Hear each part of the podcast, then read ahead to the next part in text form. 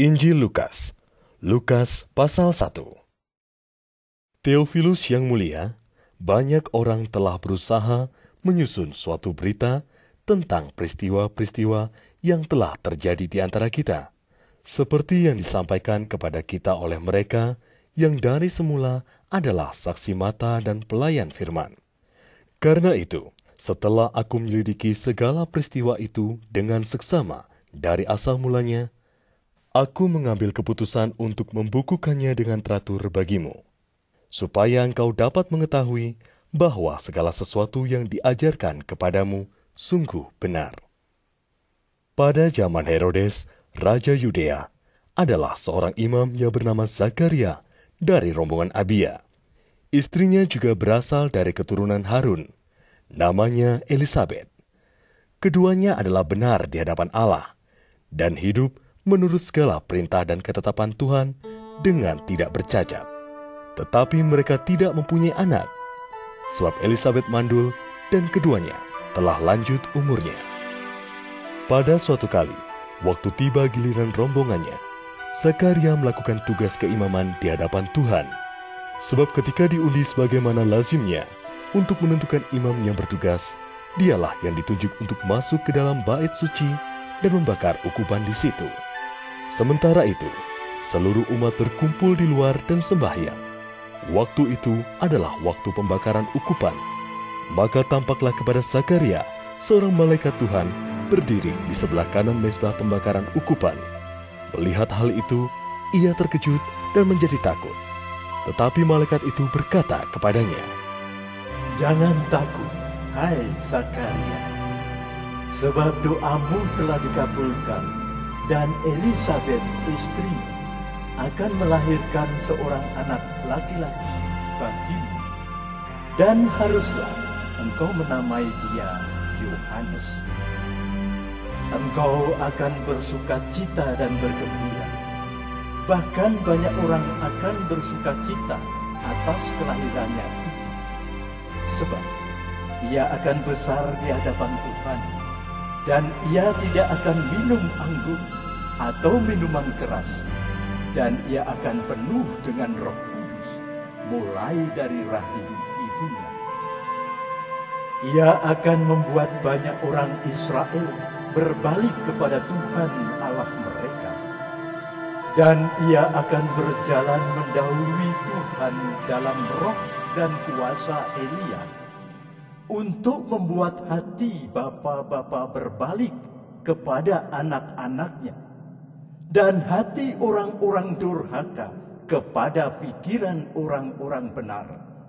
Dan dengan demikian menyiapkan bagi Tuhan suatu umat yang layak baginya. Lalu kata Zakaria kepada malaikat itu, Bagaimanakah aku tahu bahwa hal ini akan terjadi? Sebab aku sudah tua dan istriku sudah lanjut umurnya. Jawab malaikat itu kepadanya, Akulah Gabriel yang melayani Allah.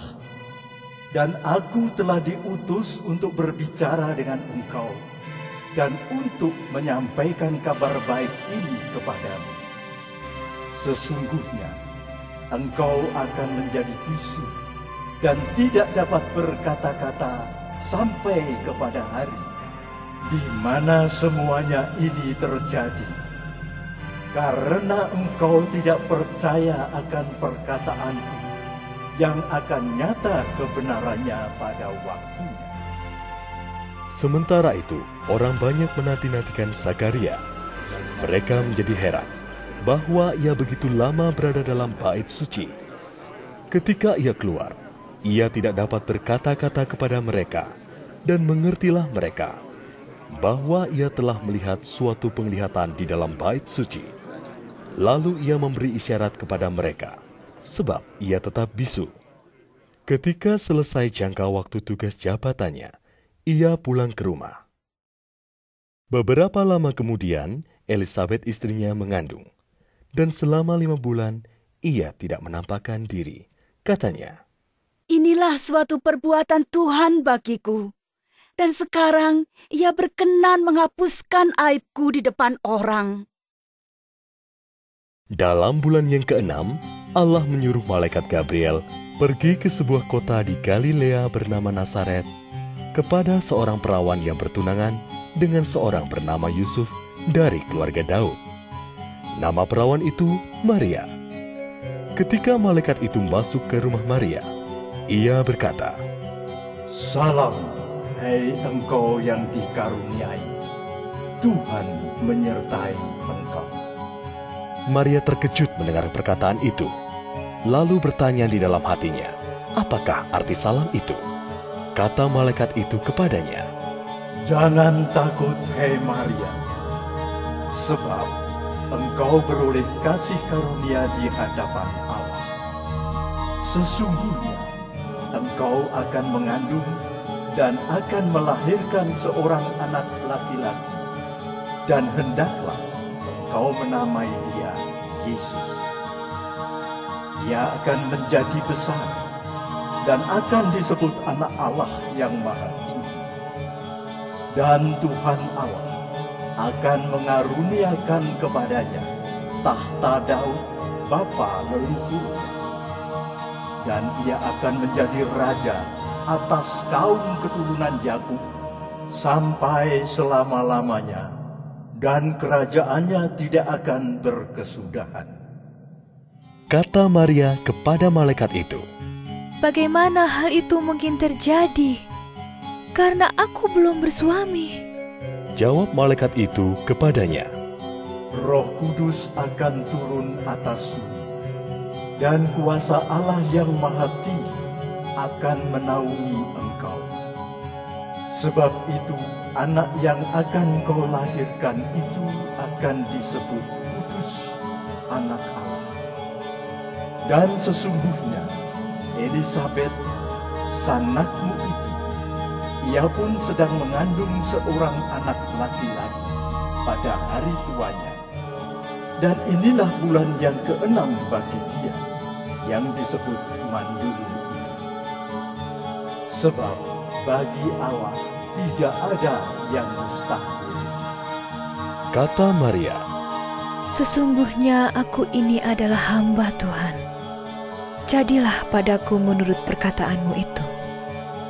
Lalu malaikat itu meninggalkan dia. Beberapa waktu kemudian, berangkatlah Maria dan langsung berjalan ke pegunungan menuju sebuah kota di Yehuda. Di situ, ia masuk ke rumah Zakaria dan memberi salam kepada Elisabet. Dan ketika Elisabet mendengar salam Maria, melonjaklah anak yang di dalam rahimnya, dan Elisabet pun penuh dengan roh kudus. Lalu berseru dengan suara nyaring. Diberkatilah engkau di antara semua perempuan, dan diberkatilah buah rahimu. Siapakah aku ini, sampai ibu Tuhanku datang mengunjungi aku? Sebab sesungguhnya, ketika salammu sampai kepada telingaku, anak yang di dalam rahimku melonjak kegirangan. Dan berbahagialah ia yang telah percaya, sebab apa yang dikatakan kepadanya dari Tuhan akan terlaksana. Lalu kata Maria, Jiwaku memuliakan Tuhan, dan hatiku bergembira karena Allah Juru Selamatku. Sebab ia telah memperhatikan kerendahan hambanya.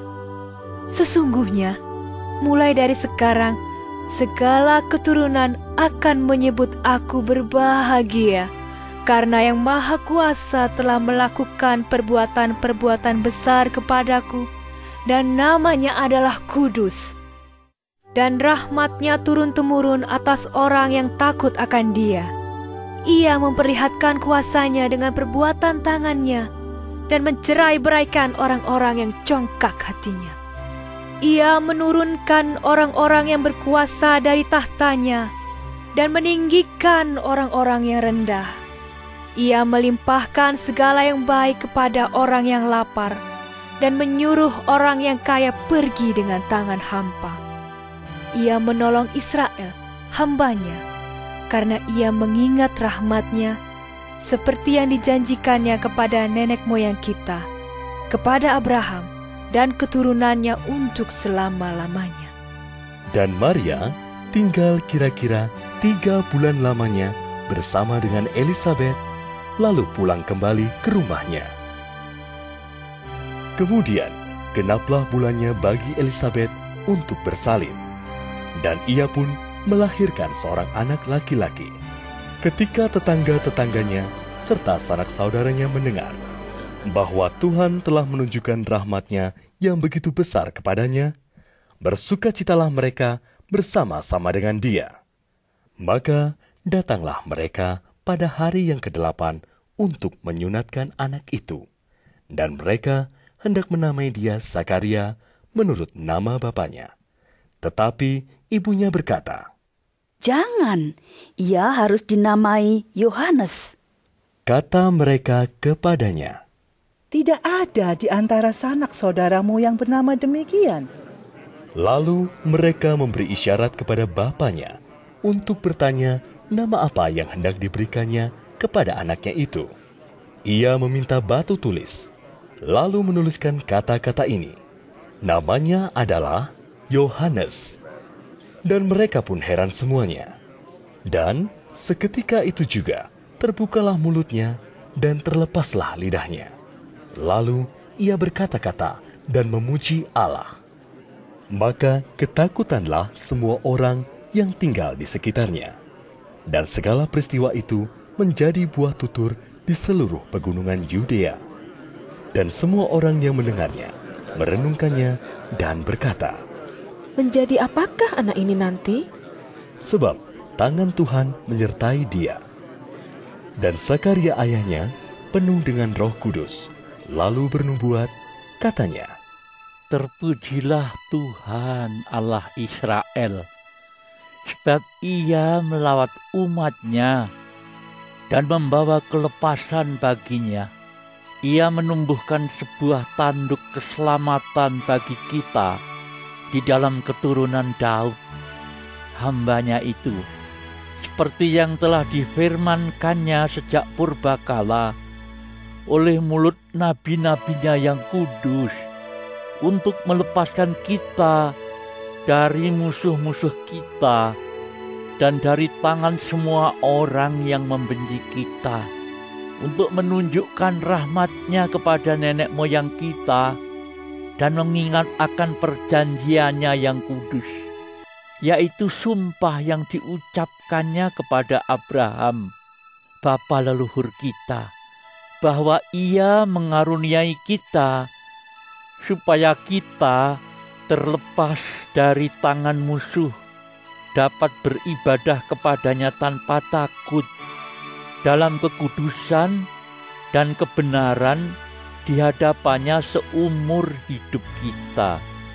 Dan engkau, hai anakku, akan disebut Nabi Allah yang Maha Tinggi, karena engkau akan berjalan mendahului Tuhan untuk mempersiapkan jalan baginya, untuk memberikan kepada umatnya pengertian akan keselamatan yang berdasarkan pengampunan dosa-dosa mereka. Oleh rahmat dan belas kasihan dari Allah kita, dengan mana ia akan melawat kita, surya pagi dari tempat yang tinggi, untuk menyinari mereka yang diam dalam kegelapan dan dalam naungan maut, untuk mengarahkan kaki kita kepada jalan damai sejahtera. Adapun anak itu bertambah besar dan makin kuat rohnya. Dan ia tinggal di padang gurun sampai kepada hari ia harus menampakkan diri kepada Israel.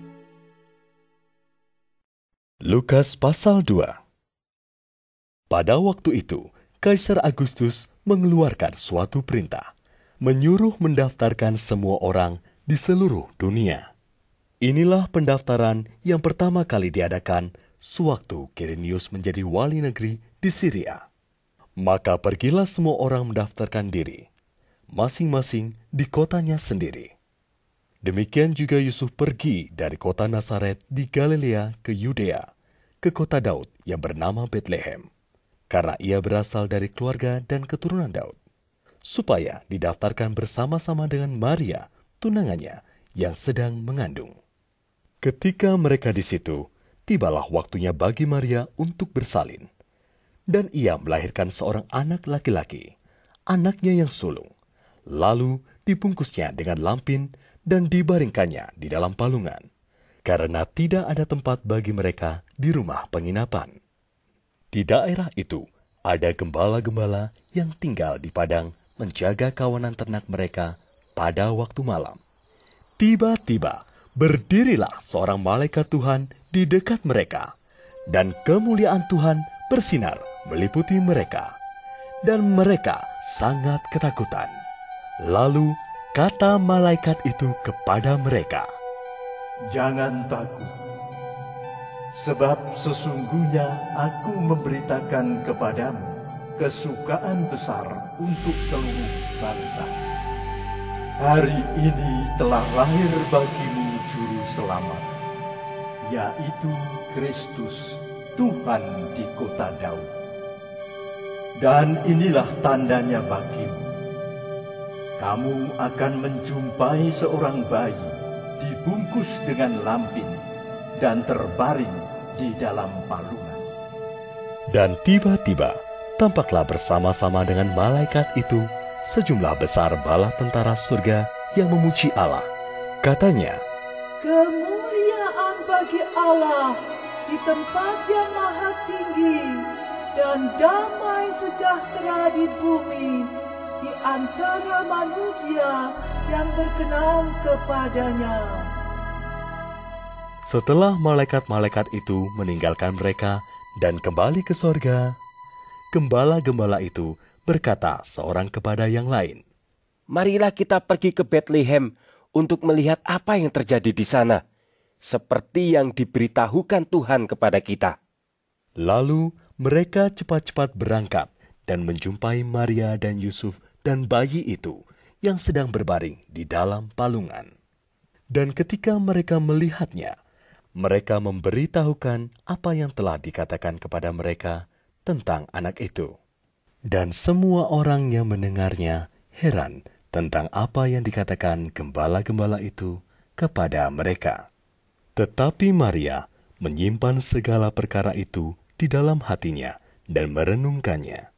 Maka kembalilah gembala-gembala itu sambil memuji dan memuliakan Allah karena segala sesuatu yang mereka dengar dan mereka lihat semuanya sesuai dengan apa yang telah dikatakan kepada mereka. Dan ketika genap delapan hari dan ia harus disunatkan, ia diberi nama Yesus, yaitu nama yang disebut oleh malaikat sebelum ia dikandung ibunya.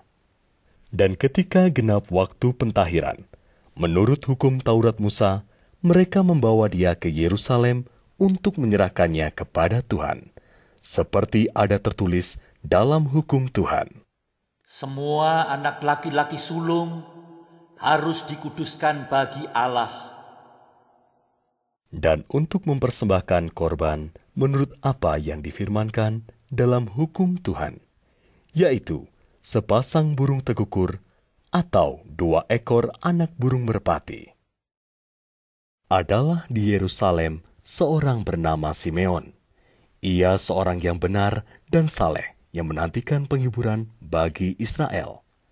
Roh Kudus ada di atasnya, dan kepadanya telah dinyatakan oleh Roh Kudus bahwa ia tidak akan mati sebelum ia melihat Mesias, yaitu Dia yang diurapi Tuhan.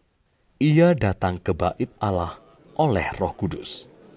Ketika Yesus anak itu dibawa masuk oleh orang tuanya untuk melakukan kepadanya apa yang ditentukan hukum Taurat. Ia menyambut anak itu dan menatangnya sambil memuji Allah.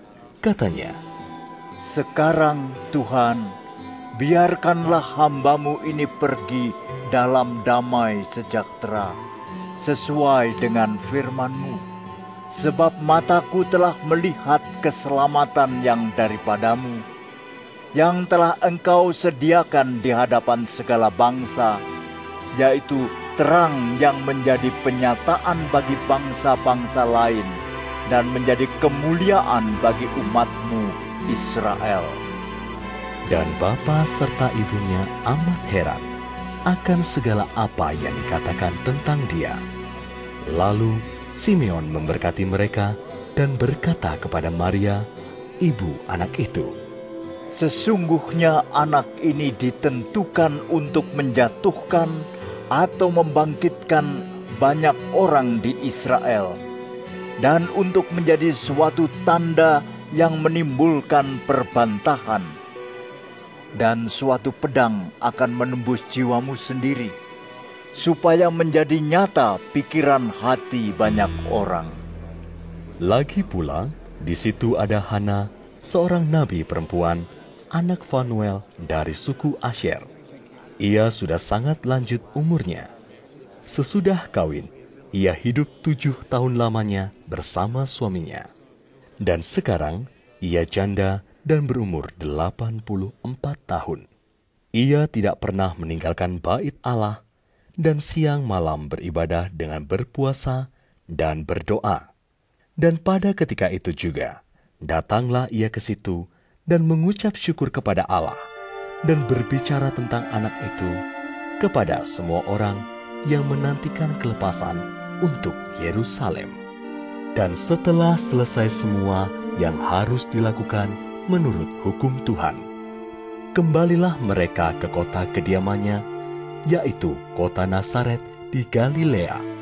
Anak itu bertambah besar dan menjadi kuat, penuh hikmat dan kasih karunia Allah ada padanya.